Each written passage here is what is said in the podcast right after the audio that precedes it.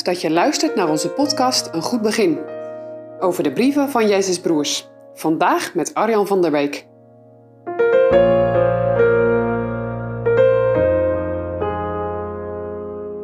Deze week kijken we in de spiegel van Jacobus over rijkdom.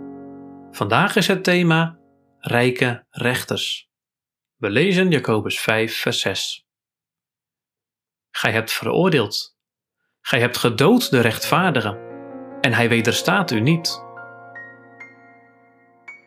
Rijke rechters. Nou, vandaag dus niet over mij. Ik ben niet rijk en ik ben geen rechter. Toch heeft Jacobus ook in dit vers een boodschap voor jou en voor mij. In zes versen richt Jacobus zich tot rijke mensen. In mijn Bijbel staat erboven: Wee over onbarmhartige rijken. Het is alsof we in een rechtszaal zijn. Rijke mensen worden aangeklaagd en een vonnis wordt geveld. Ellendigheid. In dit zesde vers blijkt dat deze rijke mensen zich ook gedroegen als rechters. Ze hebben mensen veroordeeld en gedood. Je zegt misschien weer: Ik ben geen rechter. Maar dan vraag ik je iets anders. Vel jij wel eens een oordeel? Ja, toch? We beoordelen en veroordelen continu allerlei dingen en mensen. Ik vind dat waardeloos. Of ik kan er echt niks van. Of heb jij dat gemaakt? Wat lelijk. Iedereen vindt altijd overal wat van. Ook in de kerk. Jacobus zegt: Jij hebt rechtvaardige mensen veroordeeld en gedood. Als ik daar wat over nadenk, dan kan ik me daar niet zo in vinden. Het is laster.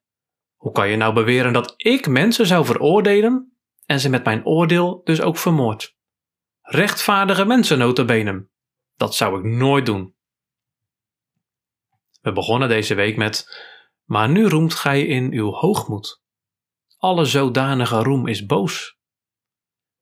Even in de spiegel kijken. Is dit nou een hoogmoedige reactie van mij? Dat ik niet tot veroordelen of vermoorden in staat ben? Vind ik mezelf daar te goed voor? Is Jacobus mij hier als een rechtvaardige aan het oordelen? Of laten we even teruggaan naar wat Jacobus schrijft. Vers 6 is een conclusie. Dus, wat lazen we in de versen hiervoor over de rijke mensen? De rijke werkgevers beroven hun medewerkers. Ze houden loon achter. De rijke genieters leven veel te wilderig, veel te veel luxe. Je zou kunnen zeggen, door hun medewerkers en hun gezinnen van hun loon te beroven, draaien ze anderen de nek om. En dat terwijl deze rechtvaardige mensen geen weerstand bieden. Arme, rechtvaardige mensen worden verdrukt door rijke goddelozen. Dat kun je ook lezen in de psalmen, of in de spreuken en de profeten van het Oude Testament. Um, gaat het vandaag dan toch over mij? Hoe dan? Nou, heel concreet. Als je vandaag alleen aan ikke denkt, als je alleen voor jezelf zorgt, als je anderen te slim af bent en het gras voor hun voeten wegmaait, als je altijd op zoek bent naar de grootste, mooiste auto, als je als starter op de woningmarkt niet tevreden bent met een fletje, terwijl je weet dat anderen in je omgeving het niet eens kunnen kopen. Geef je wel eens wat weg? Nou, ze kunnen voor zichzelf opkomen, toch? Verwacht je dat de arme rechtvaardige jou om een gunst moet vragen? Of is dat nu weer die hoogmoed en die roem? En ik wil nog iets anders noemen. Zou Jacobus bij dit vers ook aan zijn halfbroer Jezus gedacht hebben misschien? Jezus bood geen weerstand. Rechtvaardiger dan Jezus is er nooit iemand op aarde geweest. Hij was volmaakt rechtvaardig. En hij is veroordeeld. Hij is gedood en hij is opgestaan en aan Jacobus verschenen. En nu schrijft Jacobus: Als God je rijkdom geeft en je zorgt niet goed voor de mensen om je heen vanuit die rijkdom die jij kreeg, al het eten, kleding, geld, alles wat je op voorraad hebt, dan veroordeel en vermoord je rechtvaardige mensen.